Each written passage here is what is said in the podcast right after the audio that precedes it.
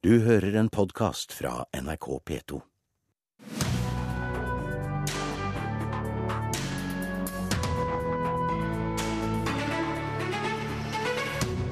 Regjeringens forslag om å kutte festivalstøtten fra statsbudsjettet provoserer mange i Festival-Norge.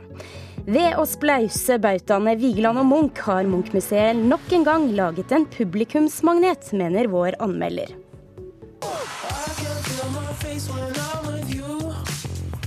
Bare 550 mennesker får oppleve The Weekends konsert i Oslo i kveld. Falske billetter er i omløp, og arrangøren ber, arrangøren ber de som er ramma, gå til politiet.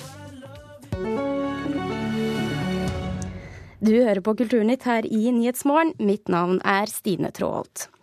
Forslaget om å knytte knutepunktordningen fra statsbudsjettet er en provokasjon. Det sier fylkesordfører i Sør-Trøndelag, Tore O. Sandvik fra Arbeiderpartiet.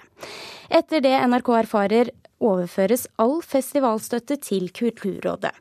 De eneste festivalene som skal stå på statsbudsjettet er Festspillene i Bergen og Festspillene i Nord-Norge. Det liker Sandvik dårlig, og håper nå at Stortinget vil gripe inn. Jeg håper jo at Stortinget tar det ansvaret som regjeringa ikke tar, eh, og da retter opp i denne fadesen. Eh, og så vil jeg jo si at Det må jo oppfattes som en sterk provokasjon for Kristelig Folkeparti, som regjeringa må vite er opptatt av det her, særs opptatt av det her. At de nok en gang må starte på minus i forhandlinger eh, med regjeringa, eh, som de da har en avtale med. Så det her er en provokasjon mot hele kultur, kulturlivet i Norge, mot kirka, vil jeg også si, for at Olavsfestdagene ivaretar en viktig rolle der. Og det er en provokasjon også mot, spesielt mot Kristelig Folkeparti. Fylkesordfører Tore O. Sandvik i Sør-Trøndelag er provosert over forslaget som etter det NRK forstår skal komme i statsbudsjettet neste veke. Knutepunktordninga blir kutta, og pengene flyttes over til Kulturrådet.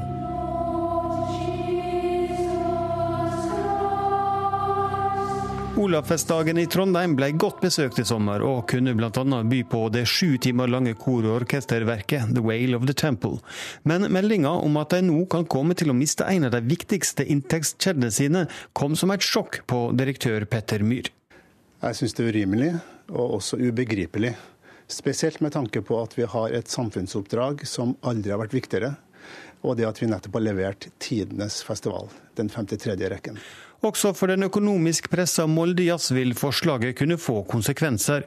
Daglig leder Hans Olav Solli frykter at mye av det de har bygd opp over år, nå kan forsvinne.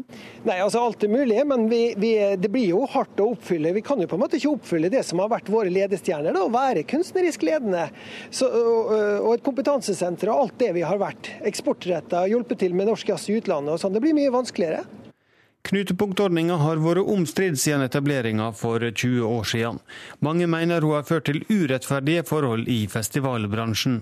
Festivalsjef Kai Gustavsen i Kongsberg Jazzfestival er glad for at ordninga nå kan komme til å bli skrota. Jeg syns det er en eh, veldig gledelig nyhet. Det har vært en ordning som eh, veldig mange i kulturlivet har eh, protestert mot. Særlig fordi avstanden mellom knutepunktfestivalene og alle oss andre stadig blir større. Derfor er det veldig fint at eh, regjeringa nå ser ut til å endre på denne. Men først skal forslaget opp i Stortinget, og der er Venstre-leder Trine Skei Grande klar på at det viktigste nå er forutsigbarhet for festivalene, som i dag har status som knutepunkt. Det som er viktig for Venstre, er at alle skal ha det samme i 2016 som de har hatt før.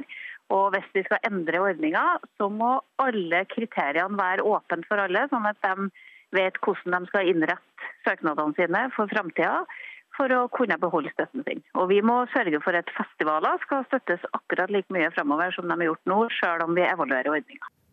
Kulturdepartementet vil ikke kommentere denne saken før statsbudsjettet blir lagt fram. Eh, reporter her var Espen Alnes. Eh, Agnes Moxnes, eh, kulturkommentator her i NRK. Er det riktig av regjeringen å gjøre denne forandringen? Det kan nesten ikke jeg svare på, men det, det er ikke For å si det sånn, det er ikke overraskende at uh, Toril Vidvei legger dette inn i sitt uh, statsbudsjett. Uh, fordi at hun har uttrykt stor misnøye med knutepunktordningen, også i, i, Stortinget. Men det er litt overraskende at det kommer allerede i dette budsjettet. og det kom, bærer nok også en del av de reaksjonene som, de sterke reaksjonene som kommer nå, preg av. Sigrid Røiseng, du er eh, professor ved Institutt for medier og kommunikasjon ved BI, og du har sett på denne ordningen med en forskers øyne. Eh, du har kalt den unorsk. Hva mener du med det? Um, altså jeg mener at eh, Knutepunktordningen den har jo på mange måter skapt et A-lag og et B-lag i festivalbransjen. Det vil si at det er noen som er løfta opp på statsbudsjettet. Det betyr uh, høyere status, det betyr mer penger.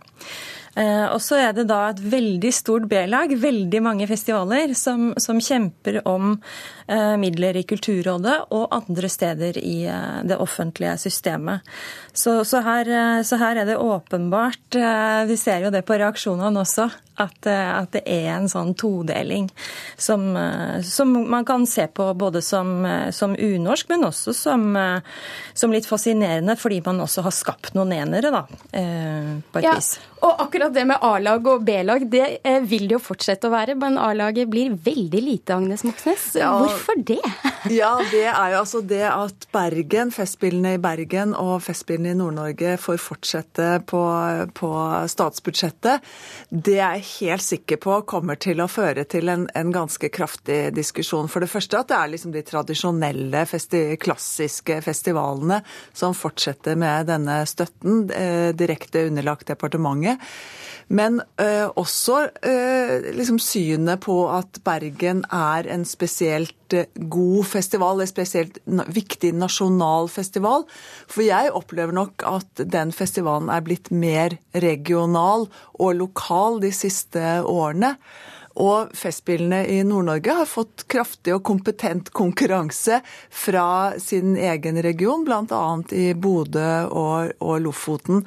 Sånn at eh, Samtidig da som Olavsfestdagene har jobbet hardt de siste årene med å bli, eh, få spille en mer og mer viktig nasjonal rolle, blitt en mer religiøs festival, og, og som også har en tiltrekningskraft rent internasjonalt. Sigrid Røyseng, opplever du at denne ordningen har fungert sånn som den har vært frem til nå? det er jo ikke tvil om at det har fungert for de festivalene som har fått støtten. fordi det er klart at de har hatt, uh, hatt gode muligheter til å, å ja, jobbe langsiktig, opparbeide kompetanse, bygge organisasjon osv. Eh, men det er klart at den har også vært en utfordring eh, fordi eh, altså Det er særlig to ting jeg vil trekke fram som utfordringer med denne ordningen. og Det er rett og slett at det ligger på statsbudsjettet. For det første så er det med å skape dynamikk veldig vanskelig på et statsbudsjett. Altså Det som kommer inn er veldig vanskelig å gjøre om på. Og her er jo kriteriet at det skal være kunstnerisk ledende. Det kan skifte over tid, men hvordan skal vi få til det skiftet på statsbudsjettet? Det andre er at det som ligger på statsbudsjettet, det bestemmes av politikere. Altså det er politiske beslutninger. Mens eh, det å være kunstnerisk ledende er jo egentlig en kunstfaglig beslutning. Og vi har et prinsipp i mange demokratier, som Norge også er en del av, at det skal være en armlengdes avstand mellom eh, politiske beslutninger og kunstfaglige beslutninger. Så det er to viktige utfordringer med denne ordningen. Altså Du tenker at det er bedre at ansvaret nå ligger hos eh, Kulturrådet?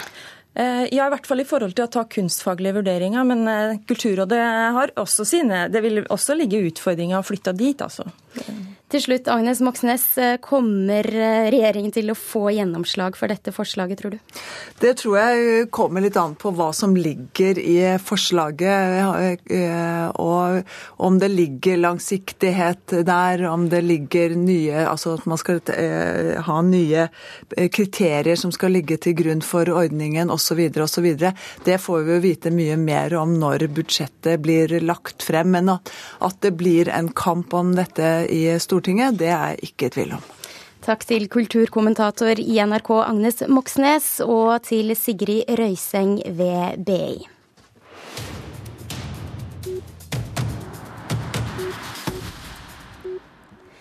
Munch-museet kan vise til to store publikumssuksesser dette året. Sammenstillingene av Munch og Melgaard og van Gogh og Munch har både skapt kontroverser og tidenes besøksrekord. Nå har museet nok en gang funnet en, ny makker til vårt nasjonalikon. Denne gangen er det altså Gustav Vigeland som skal vise sine kunstneriske muskler mot Edvard Munch. Mona Palle Bjerke, kunstkritiker her i NRK. Klarer han det? Fungerer det? Ja, eh, det er jo mange forbindelseslinjer mellom Munch og Vigeland, og de er i og for seg godt kjente. At 90-tallet så ser vi jo denne slutten av århundrestemningen, den litt dunkle stemningen hos dem begge. De lar seg inspirere av symbolismens interesse for menneskesinnets mørke understrømmer. 1900 så ser vi begge den buktende jugendlinjeføringen, og også er de opptatt av året og livets kretsløp, fruktbarhet og forfall, og de hyller den virile mannskroppen. Så det er veldig, veldig mange likhetstrekk. Og selvfølgelig kjærlighet, begjær og dødsangst. Ja, Er det dette som kommer til uttrykk nå på denne utstillingen? Ja, det er jo den måten de har ordnet det på, er at de stiller opp parallelle motiver. Eh, og skaper sånn sett en samtale. Det er jo da ung pike av Vigeland opp mot pubertet av Munch. Det er f.eks. Munchs skrik eh, satt opp mot en veldig spesiell liten statuett eh, av Vigeland som heter Redsel, og som faktisk er laget litt før Skrik. Og denne er altså en underlig, eh, litt sånn androgyn, langlemmet skikkelse som står med armene litt sånn krampaktig inntil siden og hodet kastet bakover, og da munnen åpen i et veldig skrik. Ganske heftig eh, liten skulptur. Er det noe nytt og overraskende som kommer frem her? Utstillingen har jo fått navnet Bak mytene. Det er noen små overraskelser. Jeg syns ikke man kommer bak noen myter. Her har man jo også lagt en snubletråd for seg selv med en så voldsomt ambisiøs tittel. Men jeg syns jo det er noen overraskelser i forhold til eh, Vigeland. Blant annet så er det da i den delen der de erotiske motivene er stilt opp mot hverandre, veldig eksplisitte seksuelle eh, motiver fra Vigelands side som jeg aldri har sett før. Eh, nesten på grensen til det pornografiske. Her er det samleiestillinger som er sånn at du tenker at er det fysisk mulig? Og dette er jo en veldig annen type seksuell skildring enn den vi finner hos Munch, der, som har en veldig kompleksitet og ambivalens, hvor begjær og skam er blandet sammen hos Munch, da, men hvor det er mye enklere eh, hos Vigeland. Så dette var absolutt en overraskelse for meg. Vigeland og Munch, to bautaer i norsk eh, kulturhistorie. Hvem er størst? Det er Munch som er størst, men jeg må jo si at utstillingen også viser oss at, at Vigeland er ikke så borte, han heller. Og særlig syns jeg den tidlige fasen hans, eh, 1890-tallet, er veldig spennende. Og at er, han er en god samtalepartner for Munch i denne utstillingen. Du tenker at dette vil bli en, en publikumssuksess. Eh, hvorfor det? Jeg tenker det fordi at det er visuelt veldig, veldig sterkt, selvfølgelig, med Munch og Vigeland. Dette er kunstnere vi kjenner godt og som interesserer oss. Men selv om det blir en, en eh, publikumssuksess, så tenker jeg at utstillingen har eh, den svakheten, og det slår meg liksom mens jeg går der, at de er kanskje nesten litt for like til at det oppstår så mye mellom dem. Det er en veldig fordel at man ikke bare aksentuerer likheter, at det ligger en distanse der. Og her er det verken distanse i tid eller rom. Dette var jo samtidige kunstnere på samme samme sted eh, mye av tiden òg. Og det er kanskje en svakhet, fordi det er jo liksom en fordel at man, at man har enten dette strekket i tid, som man hadde mellom Munch og Melgaard, eller denne, denne forskjellen i hvor dette foregår, som Munch og van Gogh. Så det er eh, Det blir litt sånn ja, de er like, men hva så?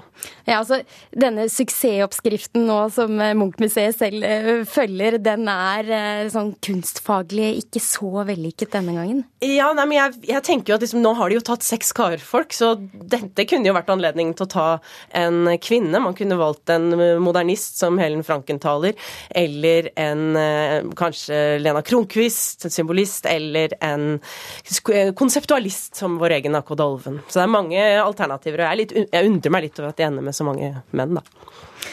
Da ble det siste ord i denne omgang, kunstkritiker i NRK, Mona Pale Bjerke. Du hører på Kulturnytt, og klokken er snart ti på halv ni. Og dette er hovedsakene i Nyhetsmorgen denne morgenen. Norske eldre er de minst ensomme i Europa. De har også bedre helse og økonomi enn eldre i andre land. Det viser en undersøkelse fra NOVA. Russland anklages for å bombe sivile i Syria. Myndighetene i Moskva hevder at angrepene i går rammet legitime mål. Og renten kommer til å holde seg, seg nær null i årevis. Det tror økonomer. Årsakene er dårlig vekst og lave fødselstall. Da skal vi snakke om eh, The Weekend. Det er nemlig én artist, eh, en canadier. Han heter eh, Abel Tesfaye, og han omtales som det hotteste musikknavnet i Norge for, og i verden for øyeblikket. I kveld så holder han sin eneste konsert i Norden i år. Og har du fått tak i en billett til den konserten, så er faktisk sjansen stor for at den er falsk. For den eksklusive konserten er nemlig lukket og holdes kun for 550 inviterte fra musikk- og mediebransjen. Og nå skal du først få høre litt av musikken som gjør at han har blitt så stor.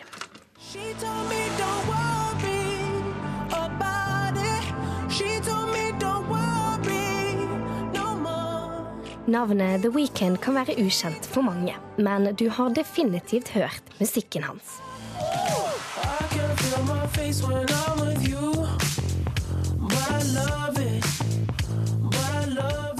Låten 'Can't Feel My Face' har vært inne på VG-lista i 14 uker. Og i USA ligger den for øyeblikket på en tredjeplass på singellisten Billboard Hot 100. Mens en av hans andre låter The Hills topper listen. Begge låtene er fra hans ferskeste album 'Beauty Behind the Madness', som har toppet albumlister verden over. Han har også som eneste artist i verdenshistorien kapret alle pallplassene på Billboards R&B-liste.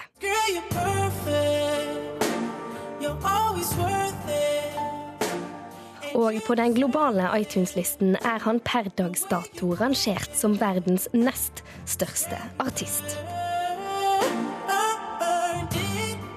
Akkurat nå eh, tror jeg nok det er det heteste navnet i markedet.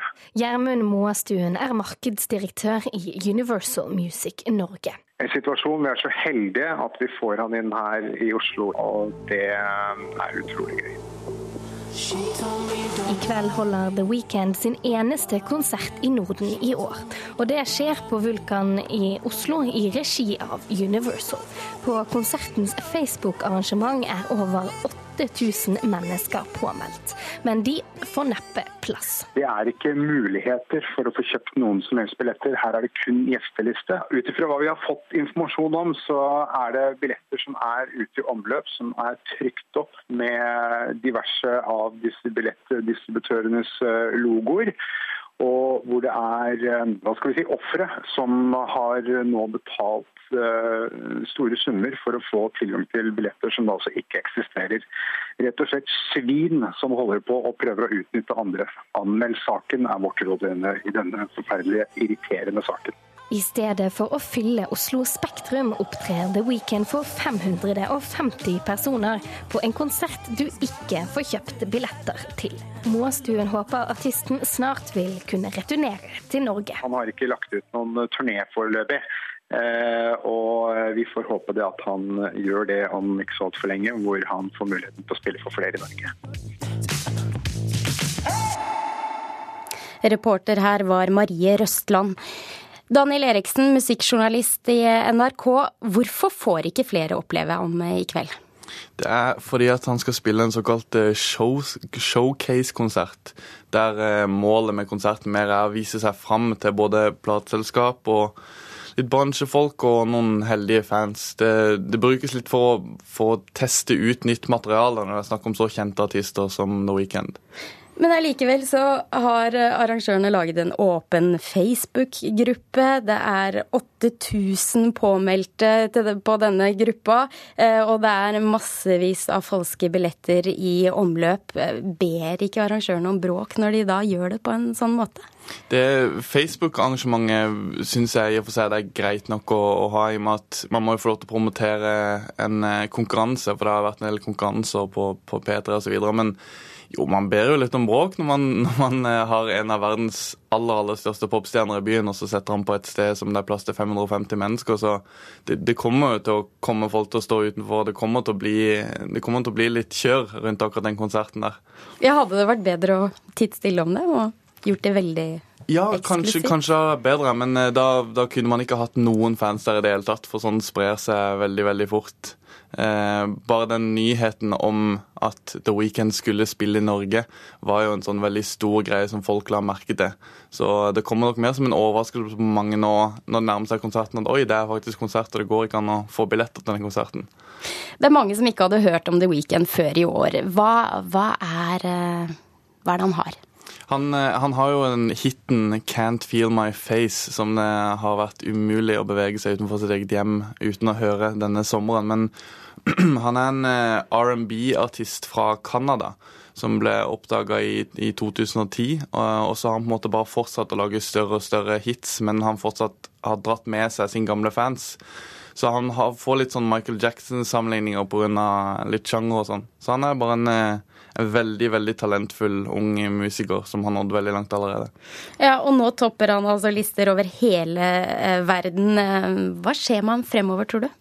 Eh, nå har han jo akkurat sluppet en plate som på en måte gjorde alt det den plata skulle, nemlig å, å han, vise den fram til et bredere publikum eh, og sånn. Så nå, nå, blir det å få, få live-biten inn og bli like god som de aller største i bransjen der, som Kanye West og JC, og som han som han jo samarbeider litt med og får litt, eh, lære litt triks av.